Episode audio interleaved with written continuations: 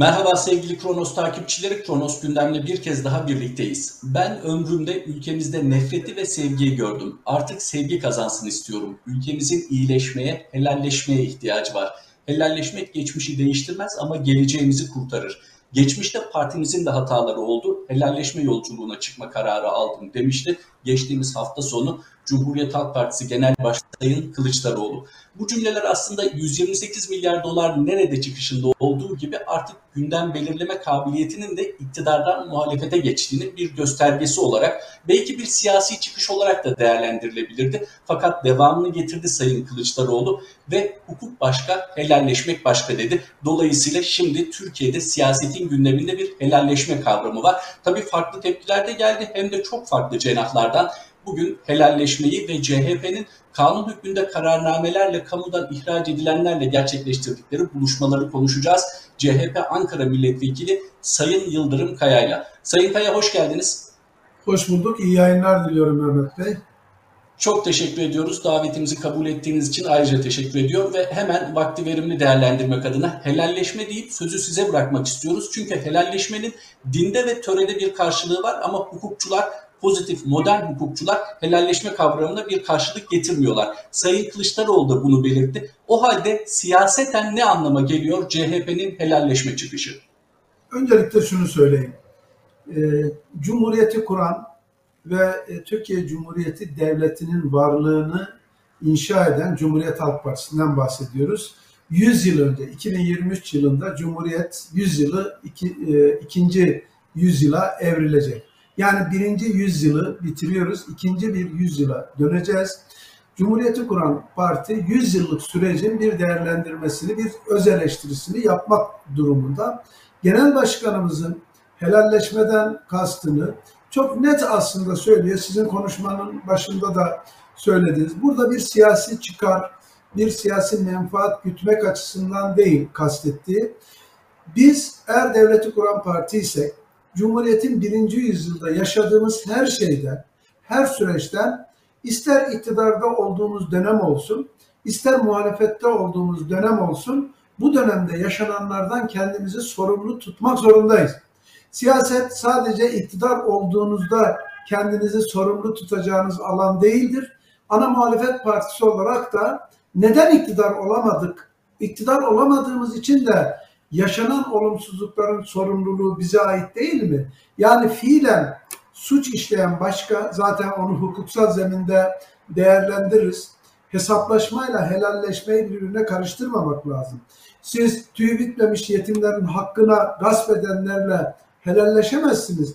Ama onunla hukuk zemininde ancak hesaplaşabilirsiniz. Burası Muz Cumhuriyeti değil ki hesaplaşmayı kişiler üzerinden siyaset partiler yapsın. Devlet kendi hukuk nizamları içerisinde adalet ve vicdan duygusuyla hesaplaşmayı yapar. Yolsuzluk yapanlarla tabii ki hesaplaşacaksınız. Hırsızlık yapanlarla tabii ki hesaplaşacaksınız. Katliam yapanlarla da hesaplaşacaksınız. Ama siz, siz tüyü bitmemiş yetimlerin yaşadığı dramı görmezden gelirseniz bununla helalleşmek zorundasınız. Bakın iki gün önce bir e, KHK'lı öğretmen, KHK'lı öğretmen inşaatlarda yağlı boyacılık yaparken Covid'e yakalandı. Covid'de yakalandığı için hayatını kaybetti. Şimdi bugün basın toplantımda da söyledim. Bu öğretmen yarın oyalama komisyonu diyorum ben. OHAL komisyonu demiyorum. OHAL komisyonundan göreve iade kararı çıksa nitekim çok sayıda KHK'lılarda bu şey çıktı. Peki bununla kim helalleşecek? Bu insanın cenaze namazına durduğunuzda ister cemevinde ister camide cenaze olsun. Bu törende imam ya da dede neye inanıyorsanız hakkınızı helal ediyor musunuz diye üç kez sorar. Siz de helal olsun dersiniz. Hiç kimse o safta helal etmiyorum demez. İyiliği de vardır, kötülüğü de vardır.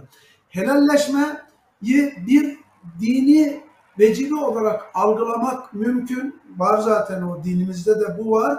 Bunu reddetmemek gerekiyor. Ama siyaseten de biz şunu yapmamız lazım. Berkin Elvan diye bir genç çocuğumuz, 12 yaşında bir çocuğumuz vardı. Oğuz Arda Sel diye 9 yaşında bir çocuğumuz vardı. Ali İsmail Korkmaz vardı. 28 Şubat'ta e, zulme uğrayan e, ikna odalarında başı açılmak için çaba sarf edilen kadınlarımız vardı. Şimdi Ahmet Kaya sürgünde yaşamını yitirdi. Şimdi de ben bir 12 Eylül mağduruyum. 12 Eylül'de işkencede gördüm, cezaevinde de yattım, sürgünde oldum. Ama yurt dışına giden birçok arkadaşım İbrahim Sevimli, öğretmen hareketinin önemli isimlerindendi. Şimdi mezarı Almanya'da. Şimdi Fakir Baykurt'un e, ben cenazesini Almanya'dan alıp Türkiye'ye getirdim. Sıtkı Coşkun'u ben e, Danimarka'dan, Kopenhag'dan ce- cenazesini alıp al- e, Türkiye'ye getirdim. Şimdi bu insanlara, bu insanlara yaşatılanları unutacak mıyız? Bu insanların yakınlarıyla helalleşmek gerekmiyor mu? Şimdi şöyle düşünüyorlar. Ya bu zulmü Cumhuriyet Halk Partisi mi yaptı? Hayır, yapmadı tabii ki. Ama siz de konuşmanızda söylediniz. Cumhuriyet Halk Partisi devleti kuran parti. Cumhuriyet Halk Partisi avukat bürolarında kurulan bir parti değil. Savaş meydanlarında kurulan bir parti olduğu için bu partinin sorumlulukları var.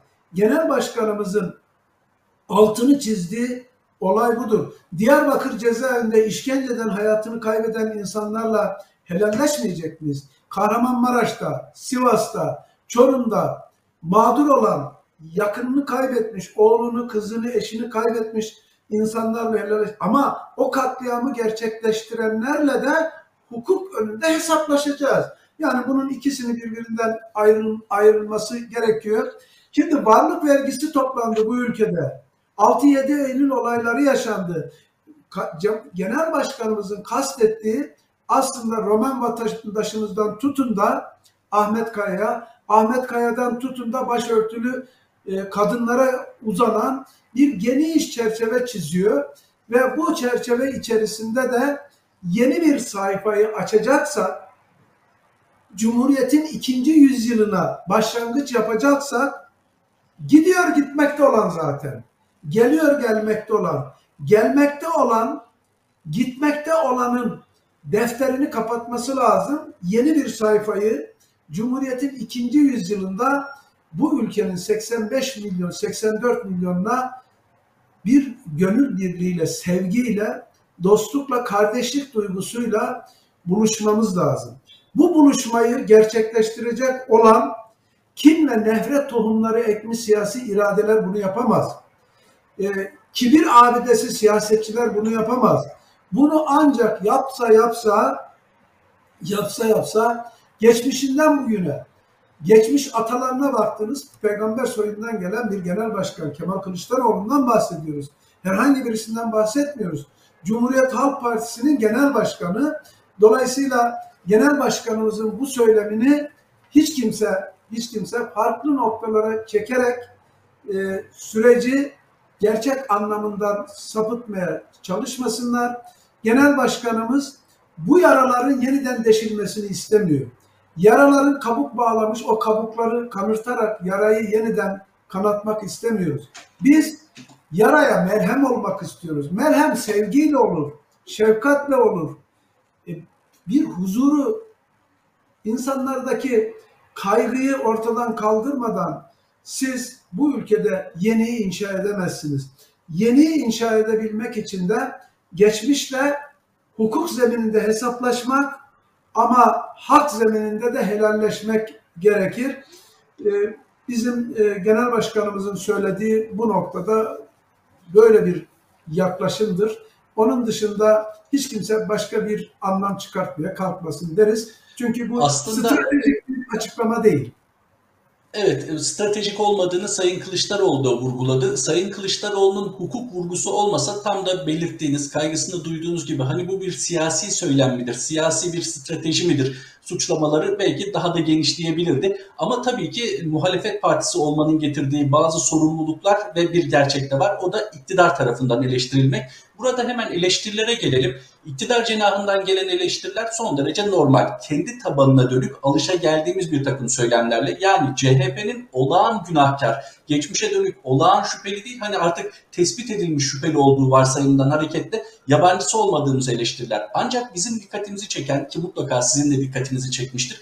İlk etapta adı partinizle anılabilecek bazı isimler de eleştiri yöneltti. Özellikle sosyal medyada. Yani CHP'yi neyin günahını çıkarıyorsunuz sorusuyla suçlayanlar oldu. Onlara bir cevabınız var mı ya da haklı buluyor musunuz bu kaygılarında? Cumhuriyetle mi hesaplaşıyor Cumhuriyet Halk Partisi? Şimdi ilk önce e, parti içerisindeki arkadaşlarımız genel başkanımızın konuşmasını evinden yaptığı e, bir video paylaşımını e, yazılı metin haline gelinceye kadar ne dediğini ilk önce helalleşme kavramı üzerinden eleştirmeye başladılar. Daha sonra bu arkadaşlarımız videoyu can kulağıyla dinledikten sonra bir eleştirel gözle, kulakla dinledikten sonra konuşmanın yazılı metnini gördükten sonra da yanıldıklarını fark ettiler. Çünkü genel başkanımız bir günah. Şimdi helalleşme günahkarların işi değil ki. Sizin birinde hakkınız vardır ya da birilerinin sizde hakkı vardır. Yakınlarınızda siz eşinizden e, bir yola çıkarken, uzun bir yola çıkarken helallik istemiyor musunuz? Annenizden, babanızdan helallik istemiyor musunuz? Bu bizim geleneklerimizde, göreneklerimizde, inancımızda olan bir şey. Helallik istemek günahkar olanların işi değil. Bir günahkar, bir günahkar Allah beni affetsin dedi. Kul hakkına girenleri Allah affetmez. Bizim bildiğimiz şudur. Kul hakkını ancak kul helal ederse kul hakkını ödemiş olur. Ama kul hakkıyla öbür dünyaya gidersen huzura çıktığında her türlü affa kadirdir yaradan ama benim karşıma huzuruma kul hakkıyla gelmeyin der. Şimdi bu başka bir şey. Biz kullardan da helallik istemeyi varsa hatalarımız Cumhuriyet Halk Partisi'nin iktidar olduğu dönemde de muhalefet olduğu dönemde de yaptıkları ve yapamadıkları var. Bakın Sivas olayları SHP'nin iktidar ortağı olduğu dönemde gerçekleştirmiştir. Kahramanmaraş katliamı binler, yüzlerce insanın katledildiği süreç Cumhuriyet Halk Partisi iktidarındadır. Rahmetli Bülent Ecevit'in başbakan olduğu dönemdedir. Şimdi bu dönemde yaşamını yitirmiş olan yakınlarıyla helalleşmeyi söylemek niye e, sorun olsun? Bizim partilerimiz helalleşmeyle hesaplaşmayı hukuksal zeminde hesaplaşmayla manevi anlamda helalleşmeyi birbirine karıştıran arkadaşlarımız oldu. Ama ben toplumun bütününde şöyle bir e, dinginliğe ihtiyacımız var. Bir durup düşünmemiz lazım. Biz nereye gidiyoruz? 84 milyon birbiriyle düşmanlaştırıldı. Bu nereye kadar gidecek? Yıllardır birlikte siyaset yapmış, birlikte siyaset yapmış, milli görüşün lideri konumundaki bir insan geldiğinde onu aynı seviyedeki sandalyeye oturtmayan bir kibir abidesi gibi mi davranacağız? Yoksa bizim de yanlış yaptığımızı kabul edip farklı bizden farklı düşünenlerden helallik isteyerek mi? Doğrusu hangisidir? Bana göre doğrusu 84 milyonu bir nazarda görmektir. İnançları ne olursa olsun, dilleri, yaşam tarzları ne olursa olsun insana insan gibi bakmak gerekir. İnsanlarla bizim birbirimize hakkımızı helal edecek şekilde olmamız gerekir. Şimdi Berkin Elvan ekmek almaya giden Berkin Elvan'ın ailesinden helallik istemek şöyle algılar. Berkin Elvan'ı biz mi öldürdük? Ya da Cumhuriyet Halk Partisi mi iktidardaydı? Değil. O Berkin Elvan'ın sokakta katledilişinin müsebbibi siyasal iktidar olabilir ama biz o eylemin önüne geçebilirdik. Niye? Nasıl geçebilirdik? iktidarı Adalet ve Kalkınma Partisi'ne vermeyerek geçebilirdik. Şimdi iktidarda Cumhuriyet Halk Partisi olsaydı, iktidarda olduğunda da adalet, vicdan ve hukuktan ayrılmayan, liyakate bağlı bir işleyişi gösterseydi bunlar yaşanır mıydı? Yaşanmazdı. Meseleye biraz buradan bakmak gerekiyor. Ben parti içindeki arkadaşlarımızın e, daha çok e, alışılagelmiş siyaset tarzının dışında bir çıkış bu. Ee, ben Kemal Kılıçdaroğlu doktrini diye bir bundan 3 yıl önce bir makale yazmıştım. Kılıçdaroğlu doktrininde kastettiğim e, Hacı Bektaşi Veli'nin kucağında aslanla ceylan var.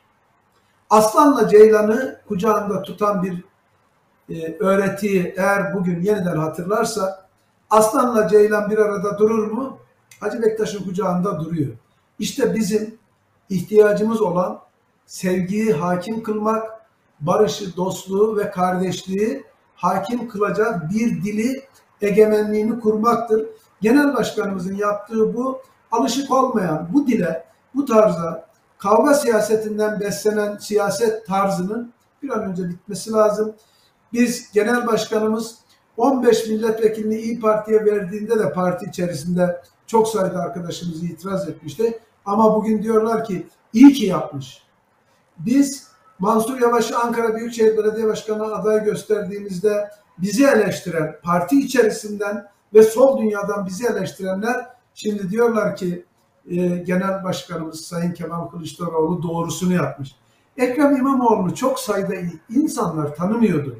Ekrem İmamoğlu'nu aday yaptığında herkes dedi ki bu isimsiz kim? Ama daha sonra ismin kendisi değil, yol haritasının kendisi, Kılıçdaroğlu doktrininin kendisiymiş esas olan. Bunu gördük. Dolayısıyla Sayın Kaya, e, ilkesel olarak kesinlikle itiraz edilmez. Özellikle Hacı Bektaş örneğiniz Alevi ya da Sünni hiç fark etmez. Bu ülkenin hamuruyla yoğrulmuş hiç kimsenin itiraz edemeyeceği gerçekler. Fakat ilginçtir. Siz parti içindeki görece muhalefeti bu anlamda e, hatırlattınız. Fakat parti dışında konumlansa da partiyle anılabilecek isimler var. İsim isim de verebilirim. Cevap hakkı doğmasın diye isterseniz vermeyeyim. Fakat sosyal medyada ağır eleştiriler geldi. Şöyle açalım. E, hatırlayacaksınız Suriye-Irak tezkeresinin uzatılması konusunda CHP hayır oyu kullandı. Daha sonra eski milletvekili, eski CHP milletvekili e, Dursun Çiçek'in bir açıklaması oldu bir televizyon kanalında. Eğer orada zaten bir risk olsaydı biz devreye girerdik. Bunu lütfen hatırınızda tutun. Bununla birlikte daha sonra ilerleyen günlerde bu helalleşme çıkışından sonra sosyal medyada ulusalcı olarak bildiğimiz kimi isimlerden de sert eleştiriler geldi doğal olarak soru şekillendi. CHP niçin gerek eski gerekse hali hazırda kendisiyle bağlantılı bazı isimler tarafından eleştirildi? Şu soru daha da e, yakıcı bir soru. CHP'nin acaba Sayın Kılıçdaroğlu'nun belirttiği gibi hani belli bir zamana mı ihtiyacı vardı bu çıkışı yapmak için? Partide bir dizayna mı gidildi? Hayır, bir belli bir zamana ihtiyaç yok. E, Cumhuriyet'in ikinci yüzyılına giriyoruz. Cumhuriyet'in ikinci yüzyılına girerken gidiyor gitmekte olan, geliyor gelmekte olan. Şimdi gelmekte olan hazırlıklarını topluma şimdiden anlatması lazım. Seçim meydanlarında bunlar söylendiğinde bir karşılığı olmaz. Şimdiden biz 84 milyona diyoruz ki biz kendi eksikliklerimizle, kendi hatalarımızla da hesaplaşarak ve helalleşerek yeni bir çığır açıyoruz, yeni bir yol yürüyoruz. Parti içerisinde farklı seslerin olması ya da parti dışında partiyle anılan isimlerin bu tür sözlerini, eleştirilerini yapmaları gayet doğal. Düşüncelerini söylüyorlar. Bu aslında tartışmanın zenginliği ve e, genel başkanımızın bu açıklamasının daha da berraklaşmasını sağlayacak. Toplumda neyi kastettiği ve neden bunları söylediği daha rahat tartışmaya vesile olacak. Dikkat ederseniz e, yıllardır e, Cumhuriyet Halk Partisi, Adalet ve Kalkınma Partisi'nin belirlediği gündemleri tartışırdı. Ama şimdi son bir yıldır Genel Başkanımız Sayın Kemal Kılıçdaroğlu'nun belirlediği gündemi Adalet ve Kalkınma Partisi ve Cumhur İttifakı bu gündemi tartışmaya yetişmeye çalışıyor. Tartışamıyor bile. Söyleyecek sözleri yok. Şimdi Adalet ve Kalkınma Partisi adalet lafını kullanmıyor artık. Liyakat lafını kullanmıyor artık. Artık helalleşmeyi de kullanmayacaklar. Nedeni şu, genel başkanımız adalet yürüyüşü yaptı, adalet kavramından vazgeçtiler. Biz liyakati esas alıyoruz dedik, belediye başkanlarımıza dedik ki liyakatli isimleri yönetim kadrolarından uzaklaştırmayın. Siyasal görüşü ne olursa olsun. Liyakatliyse devam etsin dedi. Bu da onların ezberini bozdu. Şimdi e, korkarım Adalet ve Kalkınma Partisi ve Cumhur İttifakı'nın etrafındaki isimler imam hakkınızı helal ediyor musunuz sözünü söylediğinde e, ona bile itiraz edecek hale gelecekler. Çünkü biz bu toplumun değer yargılarının tamamına sahip çıkan bir partiyiz. Bu toplumun değerleriyle oynanılmasına asla izin veremeyiz. Bugüne kadar oynanıldı. Dini siyasete alet edenler, camiye siyaseti sokanlar, kışlaya siyaseti sokanlar, okula siyaseti sokanlar, adliyeye siyaseti sokanlar ülkeyi bu hale getirdi. Biz bu ülkeyi bu durumdan çıkartmak zorundayız. Çünkü biz Cumhuriyeti kuran partiyiz. Sayın Kemal Kılıçdaroğlu Genel Başkanımız da bu sorumlulukla ne söylerlerse söylesinler e, ben Kılıçdaroğlu doktrini yazdığımda MYK içerisinde bile eleştiriler almıştım. Ama şimdi herkes onu konuşuyor, herkes onu savunuyor. E, Valla e, helalleşme ve hesaplaşma üzerinden genel başkanımızın çizgisini de bir müddet sonra herkes bizden daha fazla savunacaktır. Doğru olanı e, oy kaygısıyla söylemekten imtina etmeyelim. Türkiye ne çektiyse oy kaygısıyla yapılan siyasetten çekti. Şimdi Türkiye'nin birlik ve bütünlüğe ihtiyacı var. E, bu konuda sözümüzü açık söylüyoruz. Örtülü bir siyaset yapmıyoruz. Stratejik bir hamle değil bu. Seçim sandığı, oy sandığına yakın günlerde bunlar konuşulsaydı insanlar e, oy almak için bunu söylüyor derlerdi. Bugün bu söylemin parti içerisinde ciddi bir tartışma konusu olup genel başkanımızı ve bizim siyasetimizi geriletecek bir nokta da olabilirdi.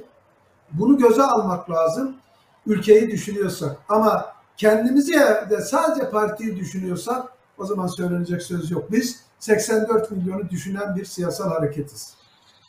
Sayın Kaya vurguladığınız gibi parti içinde bir takım farklı görüşlerin olması, bunun ifade edilebilmesi, partinin demokratikleştiğinin, demokratik bir yönetimle e, yönetildiğinin de bir göstergesidir. CHP içinde, diğer partiler içinde aslında bu genel geçer bir önermedir. Fakat burada dikkat çeken husus şu. E, bir kere siz zaten gerek hatırlattığınız makalenizde gerekse de şu ana kadar ifade ettiğiniz belediye başkanlarının seçimleri konusundaki tavrınızla Sayın Kılıçdaroğlu'nun yürüttüğü politikayı olumlayan siyasilerden birisiniz. Hani bu ille de parti çatısı altında olmanızı gerektirmezdi ama Sayın Kılıçdaroğlu'nun son dönemde bazı CHP'li ve sol e, fraksiyondan bazı isimlerce farklı eğilimleri birleştirme çabası eleştiriliyor. Siz de takdir edersiniz ki böyle bir durum var. Acaba son helalleşme çıkışına dönük ulusalcılar olarak nitelendirebilen, kendilerini de öyle adlandırabilen siyasilerin, gerekse şu an siyasetle aktif olarak ilgilenmeyenlerin de bu çıkışının hedefinde Sayın Kılıçdaroğlu olabilir mi? Bir siyasi olarak sizin böyle bir gözleminiz var mı? Yani Sayın Kılıçdaroğlu'nun CHP Genel Başkanlığından indirilmesi çabası da söz konusu mu? Benim gözlerimde böyle bir şey yok. Ee, arkadaşlarımızın kaygısı şu. Diyorlar ki Sivas'ta 33 can yakıldı. Bunu yakan CHP mi niye Sivas'ı anlatarak helalleşme istiyor? Ali İsmail Korkmaz'ın katledilişinde CHP'nin ne sorumluluğu var? Ahmet Kaya'nın sürgüne gidip sürgünde yaşamını yitirmesinde ne sorumluluğu var diye oradan bir hareketle yani 12 Eylül askeri faşist darbesinin yaptıkları, e, Adalet ve Kalkınma Partisi iktidarının 20 yılda yaptıklarının sorumluluğunu neden biz üstleniyoruz diyen bir yerden eleştiriler var. Şimdi bu eleştiriler bu cepheden baktığında kendi içinde bir tutarlılık gözüküyor. Ama biz hukuksal hesaplaşmayla, adil yargılama sürecindeki hesaplaşmayla helalleşmeyi birbirinden genel başkanımız ayırdığı için bu kaygılara e, gerek olmadığını düşünüyorum. Şimdi asıl tartışılan ulusalcı diye tarif ettiğimiz ki Cumhuriyet Halk Partisi ulusal birliği ve bütünlüğü savunan bir partidir. İçinde ulusalcılar e, ve olmayanlar diye bir ayrım bence çok doğru değil. Ama şöyle bir şey var. Cumhuriyet'in ilk yıllarında tek parti döneminde yapılanların eleştirildiğinde o dönemin koşulları dikkate alınmadan eleştiriliyor. Dolayısıyla o dönemde yapılanların kendi iç tutarlılığı vardır diye bir görüş de var. Tabii ki var. Zaten eleştirilen yanlar helalleşmeden kasıt e, Cumhuriyet Halk Partisi'nin tek parti dönemindeki süreci değil ki. E, tek parti döneminden çok partili yaşama geçiş de İsmet İnönü başkanlığında yapılmıştır. Herhangi bir referandumla, herhangi bir oylamayla olmamıştır. Bir iradeyle olmuştur. Gazi Mustafa Kemal Atatürk tek partili yaşamı savunan bir anlayışı yoktur. Kendi ilk dönemlerinde de parti e, farklı partilerin kurulmasını teşvik etmiştir ama bir türlü yerleşememiştir. Daha sonra çok partili yaşama Mustafa Kemal Atatürk'ün çizgisini devam ettirmek üzere İsmet İnönü ikinci büyük devrimi gerçekleştirerek yol açmıştır. Sosyal demokrasi Bülent Ecevit de bu ülke topraklarına geldi.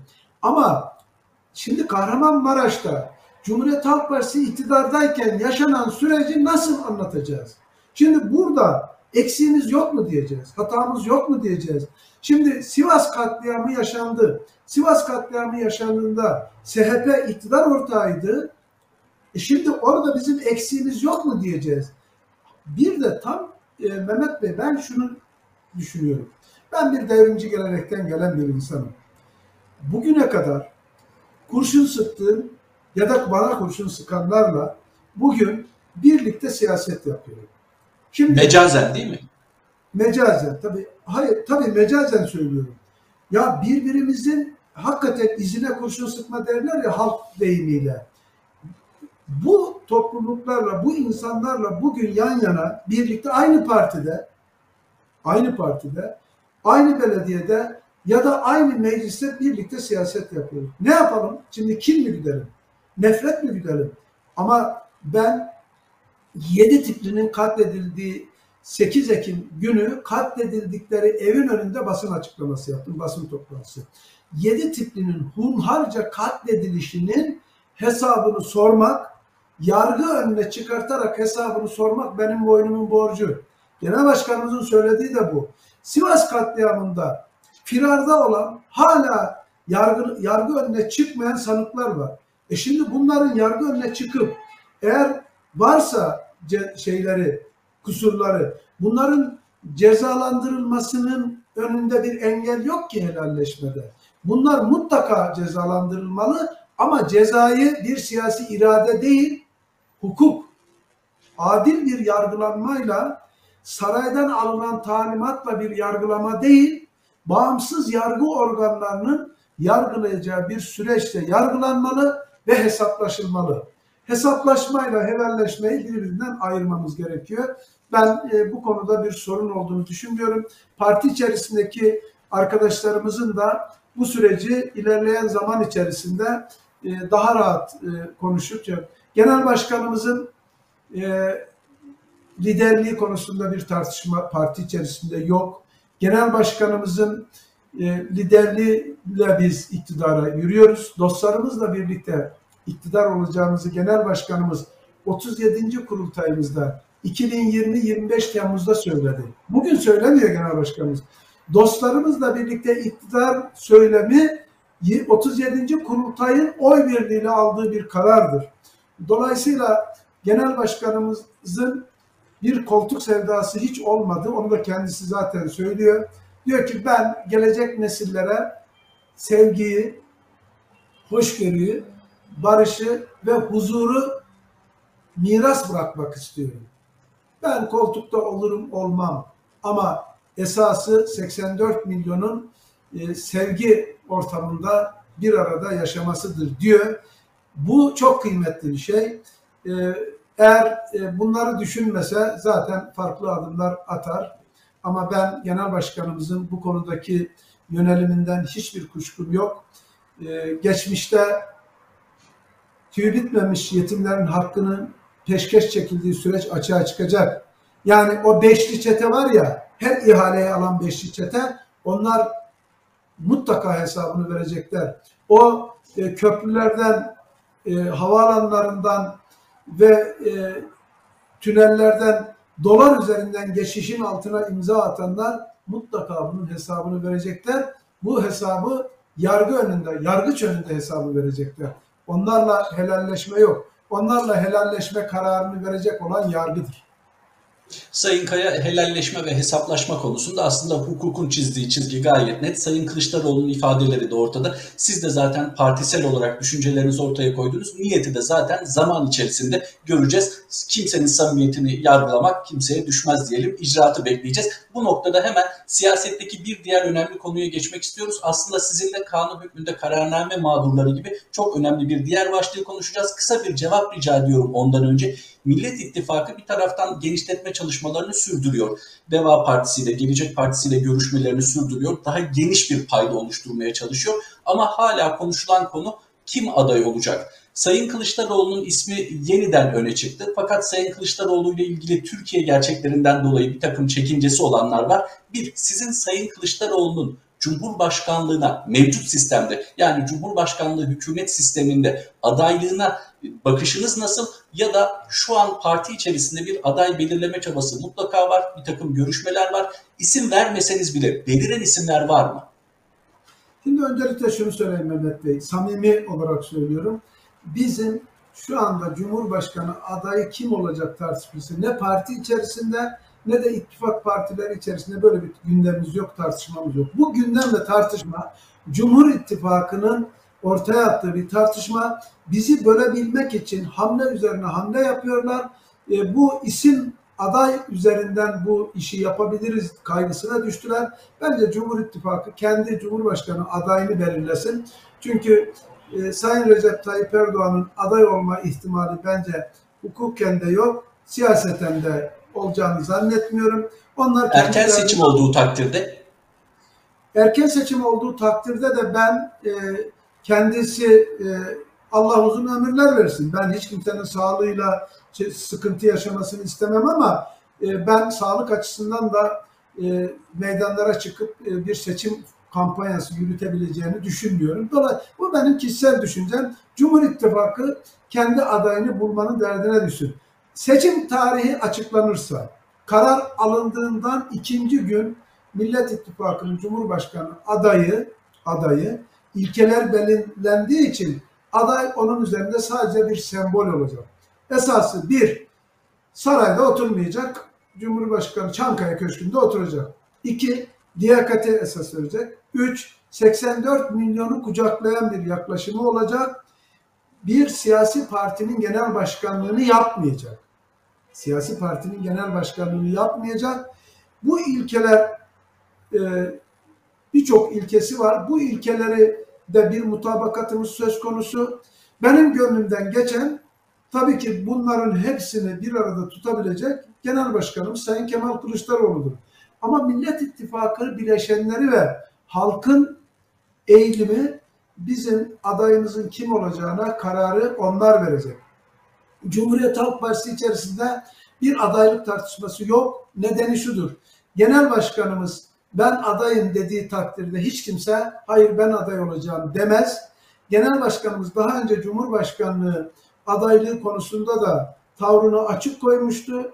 Parti içerisinde kendisine rakip olarak defalarca karşısına aday olarak çıkmış birini aday gösterebilecek kadar Türkiye sevdalısı biridir.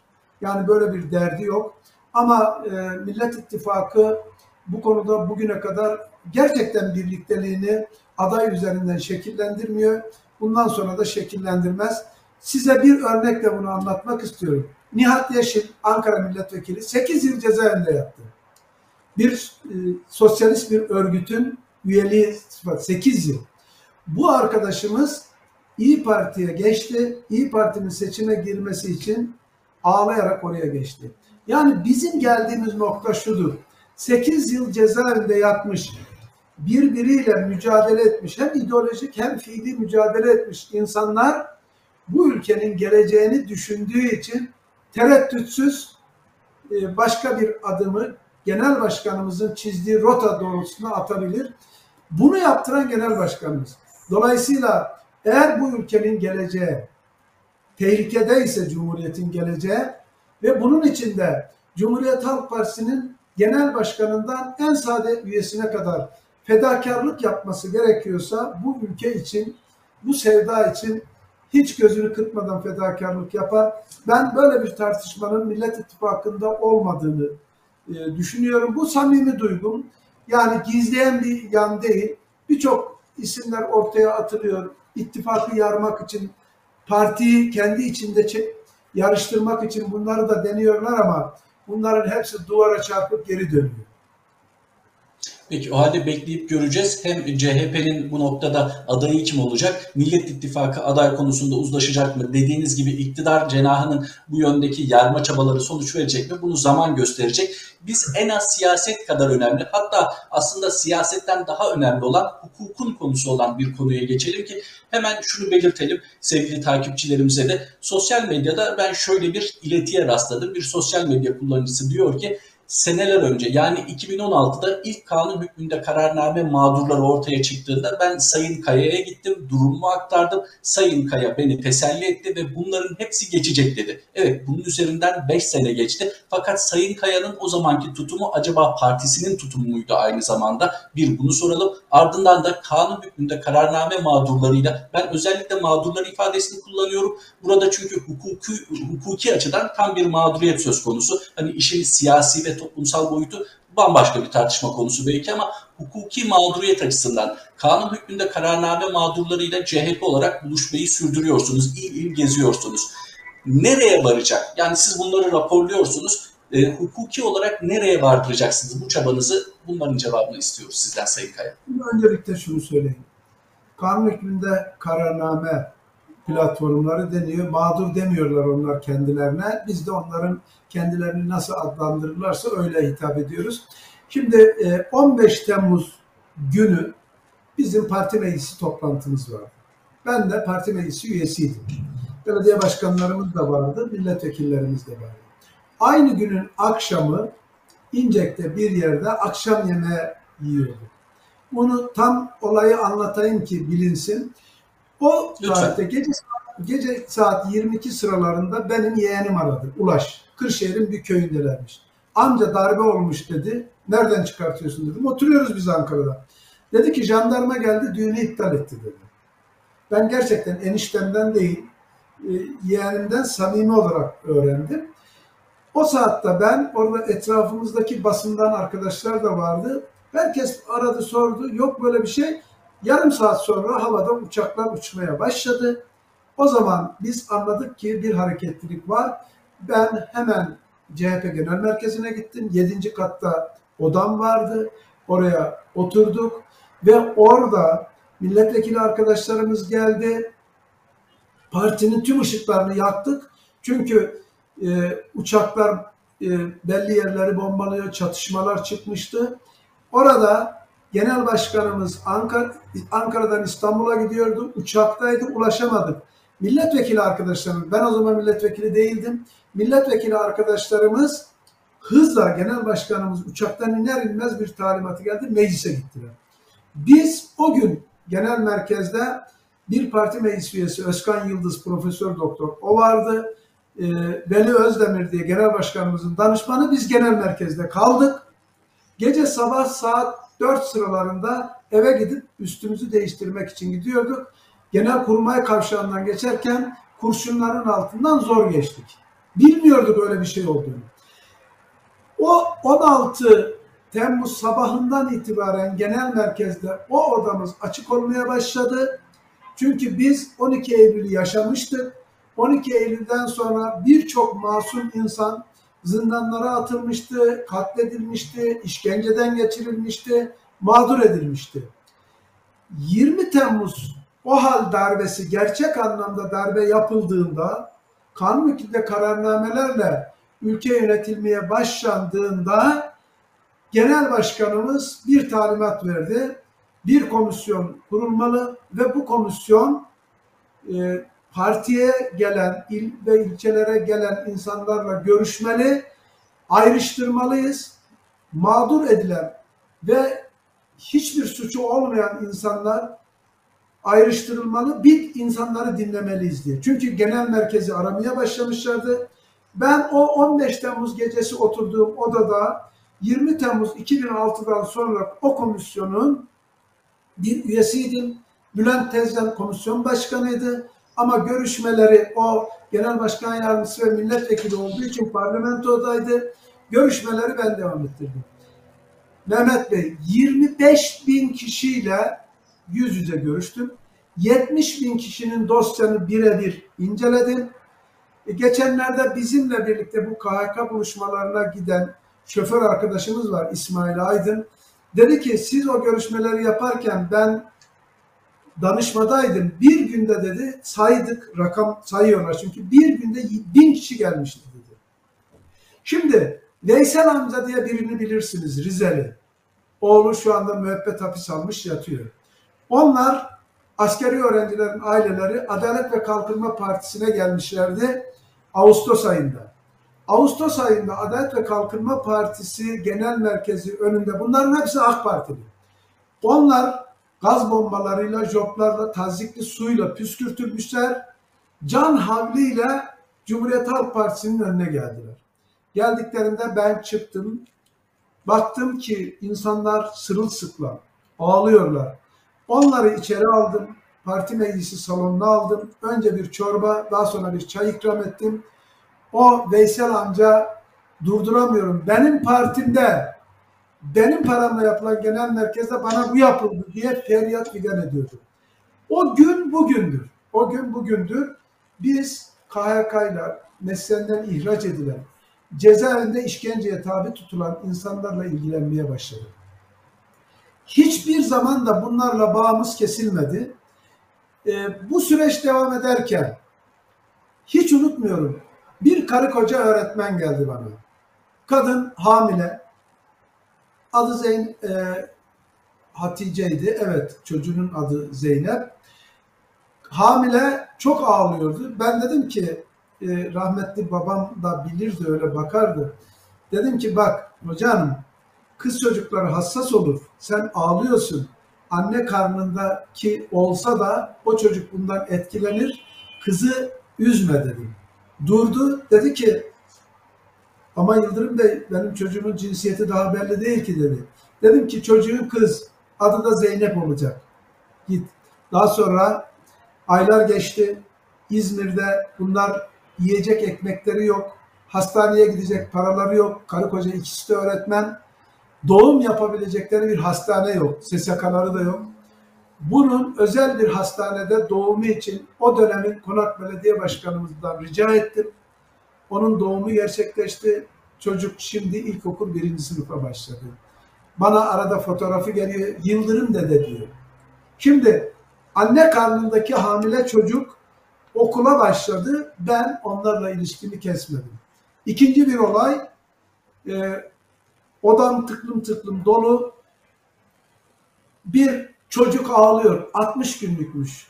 Bir erkek var yanında anne baba olduğu belli yaşlılar var. Ama ağıttan hiç durmuyor. Çocuk geldi. Dedim ki dur bir dakika ver şu bebeğe bana dedim. Kucağıma aldım ağzı kesti. Dedim ki anlatın bakalım derdiniz ne? Dediler ki bunun annesi öğretmen şu anda Ankara Emniyetinde işkencede. Çocuğu emzirmesi lazım, anne sütü alması lazım. Fakat emniyet buna anne sütünü vermiyor. O günde salı günü grup toplantımız var. Ben genel başkanımızı aradım. Anlatırken ağlamaya başlamışım. Genel başkan bana dedi ki telefonu kapat 5 dakika sonra ara dedi. Ben telefonu kapattım. 5 ağladım durdu 5 dakika sonra aradım. Bana dedi ki genel başkanımız buyur şimdi anlat dedi. Bu çocuğun durumunu anlattım genel başkanımıza. Genel başkanımız grup toplantısında bunu dillendirdi. Ankara Emniyetinde çocuk anne sütüyle buluştu. Annesinin memesiyle buluştu. Şimdi bunlar bunlar öyle zulmediyorlar ki 61 günlük çocukmuş. Çocuk da Trabzonluymuş. Tam plakasının olduğu gün. Şimdi bunların hiçbiri bunların hiçbiri darbeyle uzaktan yakından ilgisi olmayanlar. Bunlar devletin olanaklarıyla açılmış okula çocuğunu gönderenler, bunlar devletin aidatını ödediği sendikaya üye olanlar, bu tür binlerce insan var. 152 bin insan işinden, ekmeğinden, aşından oldu. Biz bu toplantılarımızı genel merkezde dinlemeden sonra şöyle bir iş yaptık. Tüm il örgütlerimize dedi ki kapılarımızı açın, insanları dinleyin, Haziran'da milletvekili oldum. O tarihe kadar bu alanla ilgilendim. Daha sonra eğitim politikalarından sorumlu genel başkan yardımcısı olduğum için insan haklarından sorumlu olan arkadaşımız yürüttü. Şimdi de genel başkanımızın talimatıyla 8 aydır devam eden KHK platformlarıyla toplantılar yapıyoruz. Bu toplantılarımızda herkesi dinliyoruz. En son Konya'da dinlediğimiz bir kadın arkadaşımız. Bakın bu çok ilginçtir. Geçen hafta Adalet ve Kalkınma Partisi şehit üzerinden siyaset yaptı ya. 2009'da Van'da PKK tarafından katledilen bir askerin eşi, şehit eşi. Konya'da Şehit Aileleri Derneği'ne gider. Çocuğu var. Çocuğunun şehit olduktan iki yıl sonra çocuğunun okula başlaması gerekir. Şehit Aileleri Derneği orada bir özel okula yazdırırlar bu çocuğu. Daha sonra gün olur, devran döner. 20 Temmuz OHAL darbesi olur. Bu darbeden sonra bu kadın arkadaşımız labirenttir bir hastanede. Sen çocuğunu FETÖ'nün okuluna gönderdin. Deyimleri onların. Diyerek bu kadını meslekten ihraç ederler. Yetmez. Tek, tek suçu şehit eşi olmak. Çocuğun suçu şehit çocuğu olmak. Şehit ailelerinin gönderdiği bir okula gitmek. Bununla yetmez 6 yıl 3 ay hapis cezası alır. Bunu Konya'da anlattı. Şimdi Allah aşkına nerede şehit, nerede şehite sahip çıkma, nerede adalet, nerede vicdan? Bir, bu örnekleri o kadar çoğaltabilirim ki bir doktor Sivas Cumhuriyet Üniversitesi'nde tıp fakültesinde okuyor. Bu doktor işinden oluyor daha sonra Diyarbakır'da. Doktora söyledikleri nedir biliyor musunuz? Elazığ Üniversitesi'nde okumuş, Elazığ Tıp Fakültesi'nde okumuş, orada abiler, ablaların eğitimine gitmiş, orada FETÖ'nün yurdunda kalmış. Suçlama bu. Ama bu vatandaş Sivas Cumhuriyet Üniversitesi'nde okumuş. Belgeleri orada, diploması orada. Elazığ ile hiç bağlantısı yok. Bir son örnek daha vereyim. Eskişehir'de bir öğretmen çıktı, kendini anlatıyor. Dedi ki 6-3 ceza aldım. Ben dedim ki 6-3 ne? 6 yıl 3 ay. 6-3 diye tarif ediyorlar onlar kısaltılmış şekliyle. Peki neden aldın dedik. Dedi ki çocuğumu onun tabiriyle söylüyor FETÖ'nün okuluna göndermek. Peki dedim ne oldu? Bundan dolayı. Dedi ki ilginç olan şu. Hakim buna sormuş son sözünü söyle. Hakime demiş ki hakim bey ben hayatta evlenmedim. Meşru ya da gayrimeşru çocuğum da yok. Bana o olmayan çocuğumu getirin. Olmayan eşimi getirin. 50 yıl hapis cezası verin. Eşi yok. Çocuğu yok. Meşru ya da gayrimeşru çocuğu da olmamış. Süreç budur. Adil bir yargılamanın olmadığı açıktır. Tamamen kin ve nefret üzerine 15 Temmuz'dan önce hazırladıkları listeler, ihraç listeleri var. Hakimler, savcılar, öğretmenler, polisler bunların tamamında böyle bir tablo var. Bunların içerisinde berat etmiş, takipsizlik kararı almış, hiçbir hukuki yanı kalmamış ama mesleğine başlatılmayan binlerce insan var. Ayrıca mahkeme kararları da biraz önce saydığım üç örnek sanırım bunların adil bir mahkeme olmadığını, adil bir yargılama olmadığını ispata yetecek niteliktedir. Böylesi yargılamaların da hukuken mümkün olmadığını, doğru olmadığını belirtiyoruz. Bizim yapacağımız şu, genel başkanımızın söylediği. Hakkında herhangi bir soruşturma açılmamış ya da soruşturma açılmış, takipsizlik kararı verilmiş, berat kararı verilmiş, ne kadar insan varsa geriye dönük haklarını alarak göreve iade edilecek.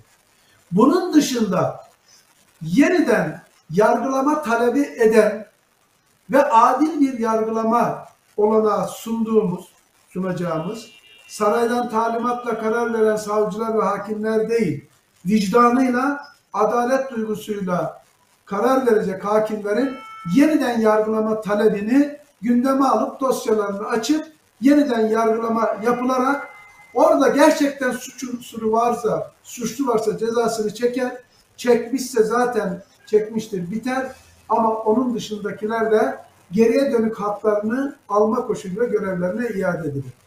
Burada biz kanun hükmünde kararnameyle içinden ekmeğinden olanların söylediği şu. Biz suçlu değiliz, af istemiyoruz. adil yargılama hakkımızı iade istiyoruz. Burada bir şeyi açmama da izin verin. Anayasa Mahkemesi barış akademisyenleriyle ilgili bir karar verdi. Daha sonra yerel mahkeme 10 gün içerisinde yeniden yargılamayı yaptı bunları berat ettirdi. Ama ne hikmetse o hal komisyonu tarafından bunlar görevlerine iade edilmedi, red kararı verildi. Şimdi bu kanun hükmünde kararnameyle işinden atılanlar bazen şunu diyor. Diyor ki yeniden yargılanacağız yıllar geçer. Hayır 10 gün içerisinde bu mahkemeler yeniden adil bir yargılamayı yapabilir. Bu bugün bile mümkündür. Önemli olan burada bir siyasi irade adil yargılanma hakkının önünü açacak. Adalet Bakanlığı'na verilen bir dilekçeyle bu yargılamalar yeniden hızla yapılır e, ve oyalama süreçleri tamamen biter. Biz kanun hükmünde kararnameyle işinden atılanlar konusundaki izlediğimiz politika budur.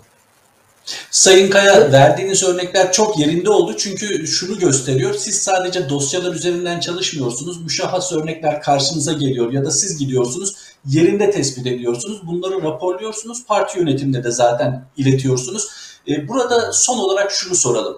Siz gördünüz bu mağduriyetleri gerek hukuki gerekse sosyal açıdan hani bu yalıtılmış, yalnızlığa mahkum edilmiş insanların mağduriyetini zaten biliyorsunuz, yerinde de gördünüz helalleşme metninde kanun hükmünde kararname mağdurları yer almıyor şeklinde bir eleştiri vardı. Evet yer almıyor fakat siz bu konuda çok net ifade ediyorsunuz. Ben son olarak sizden şunu e, özellikle kanun hükmünde kararname mağdurları duymak iste- isteyecektir. Onun için onun cevabını rica ediyorum.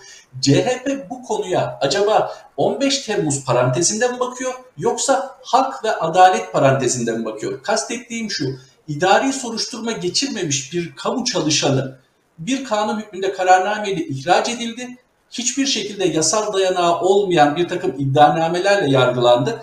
Kimi müebbet aldı, kimi senelerce içeride. Şimdi ortada böyle açık bir hukuksuzluk varken dediğiniz gibi çok kısa bir sürede Ukrayna örneğinde olduğu gibi belki tek kanun hükmünde kararnameyle adalete dönüş mümkün olacak mı? CHP bu konuda söylediğinin arkasında durabilecek mi? İktidar olduğu takdirde.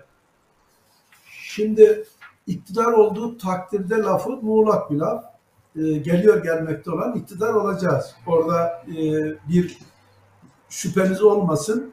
Bakın genel başkanımızın helalleşmede altını çizdiği mahkemelerde sü- süründürülen askerlerimiz ve aileleriyle helalleşeceğiz. Mahkemelerde süründürülen askerler var. Bir günlük asker sabah er olarak başlamış, akşam 15 Temmuz olmuş ve bu 17 yıl ceza almış. Şimdi böyle bir şey var mı? Daha sabah ana- anasının eline yaktığı kınalı, anasının kınalı kutusu. Elindeki kınayla duruyor. Şimdi çok açık ve net. Bu bizim benim söylemim değil, genel başkanımızın söylemi.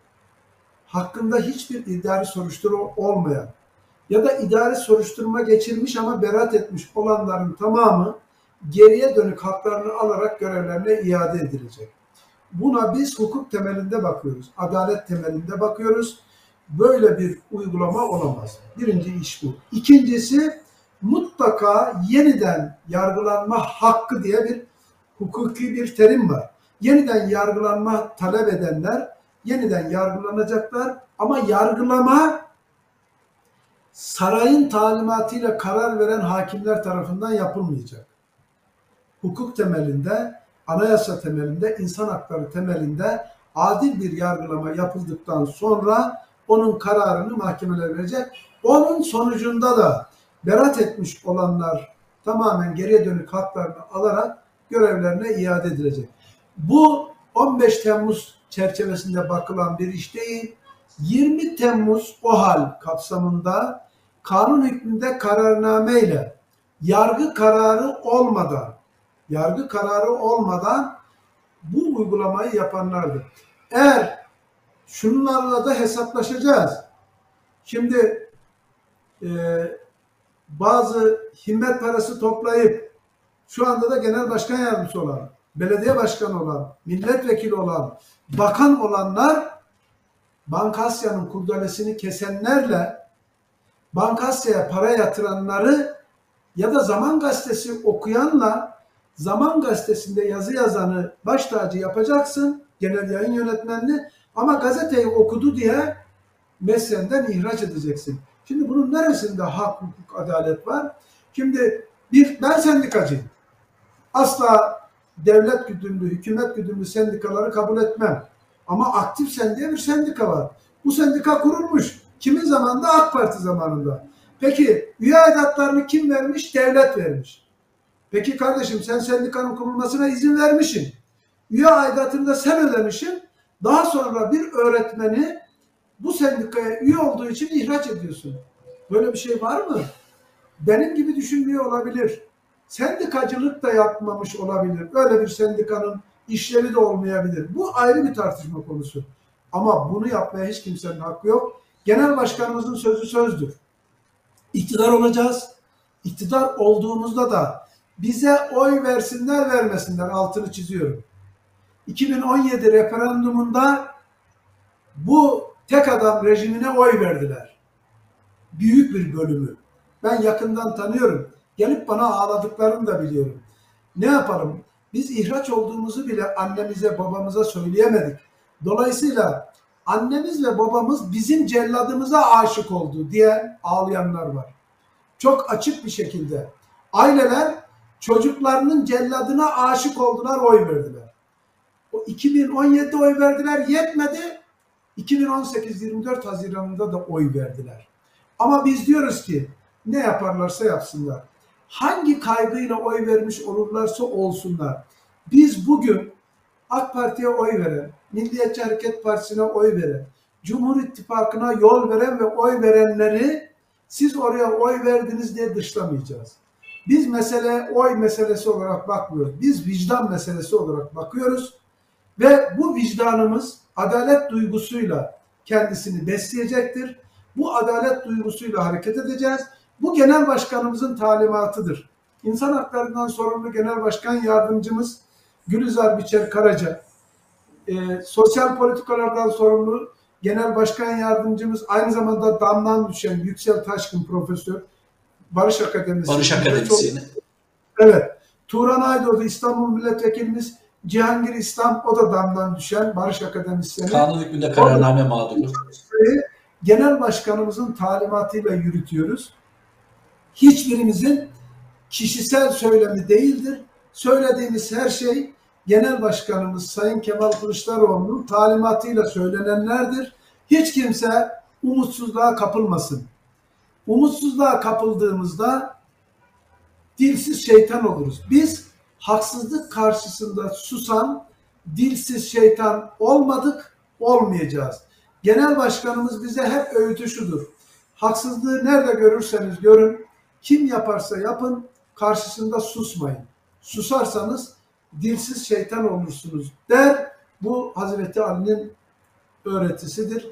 Dolayısıyla biz umutsuzluğa yer yok bizim dünyamızda. Karşınızdaki kardeşiniz KHK'lılar. Bu kardeşiniz 12 Eylül askeri faşist darbesinde cezaevinde yattı. İşkence gördü. Öğretmenlikten uzaklaştı. Sürgün oldu. Her türlü eziyeti gördü. Şu anda 41 yaşında olan çocuğu 6 aylıkken bu kardeşiniz cezaevinde yattı. Ama bu kardeşiniz şimdi öğretmen. Şimdi milletvekili. Öğretmenlik yaptım.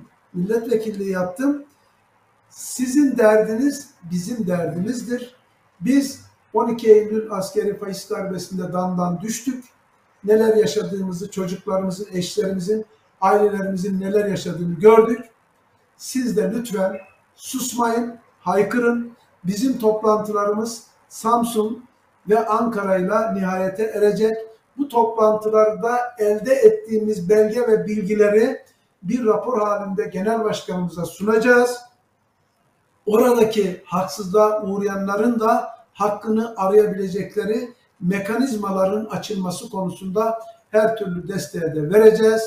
Oy sizin vicdanınızla sandık arasındadır. Ee, ona hiç kimse karışamaz. Ama biz kendi vicdanımızı ve kendi adalet duygumuzu rahatlatmak için bu mücadeleyi veriyoruz. Vermeye de devam edeceğiz. Siz sussanız da, konuşmasanız da, siz işinizi takip etmeseniz de Biz bu süreci takip edeceğiz. Çünkü genel başkanımızın bize talimatı budur. Sayın Kaya çok teşekkür ediyoruz. Özellikle kanun hükmünde kararnameler konusunda tanıştığınız mağdurlar da mutlaka söylemiştir. Mevzuata dönülmesi yetecek. Bu çok açık bir gerçeklik. Hani mevcut mevzuat, yürürlükte olduğunu düşündüğümüz, umduğumuz mevzuat uygulansa aslında tüm mağduriyetler de ortadan kalkacak. Size çok teşekkür ediyoruz. Gerek helalleşme çalışmalarınızda gerekse bütün siyasi çalışmalarınızda kolaylıklar diliyoruz. Tabii bir de 27 Kasım'da Ankara'da e, Nazım Hikmet Kültür Merkezi'nden e, Yeni Mahalle'de ikinci yüzyılda eğitim hakkı diye bir çalıştay düzenleyeceğiz. Bu çalıştay Türkiye'nin eğitiminin önündeki tüm engelleri masaya yatıracak, iktidarın yol haritasını oluşturacak bir toplantıdır. Bu vesileyle bunun çağrısını da eğitimci, benim de eğitime dair sözüm var diyenleri e, 27 Kasım Cumartesi günü saat 10'da Ankara Yeni Mahalle Nazım Hikmet Kültür Merkezi'ne bekliyoruz. Davetimiz tüm dostlaradır. 27 Kasım Cumartesi tarihinin altını çizelim. Çok teşekkür ediyoruz Sayın Kaya. Çalışmalarınızda kolaylıklar diliyoruz. Sevgili Kronos takipçileri, Kronos gündemde konuğumuz CHP Ankara Milletvekili Sayın Yıldırım Kaya'ydı. Helalleşmeden kanun hükmünde kararname mağdurlarıyla buluşmalarına geniş konuları ele aldık. Kendisine tekrar teşekkür ediyoruz. Kronos'ta buluşmak üzere. Hoşçakalın.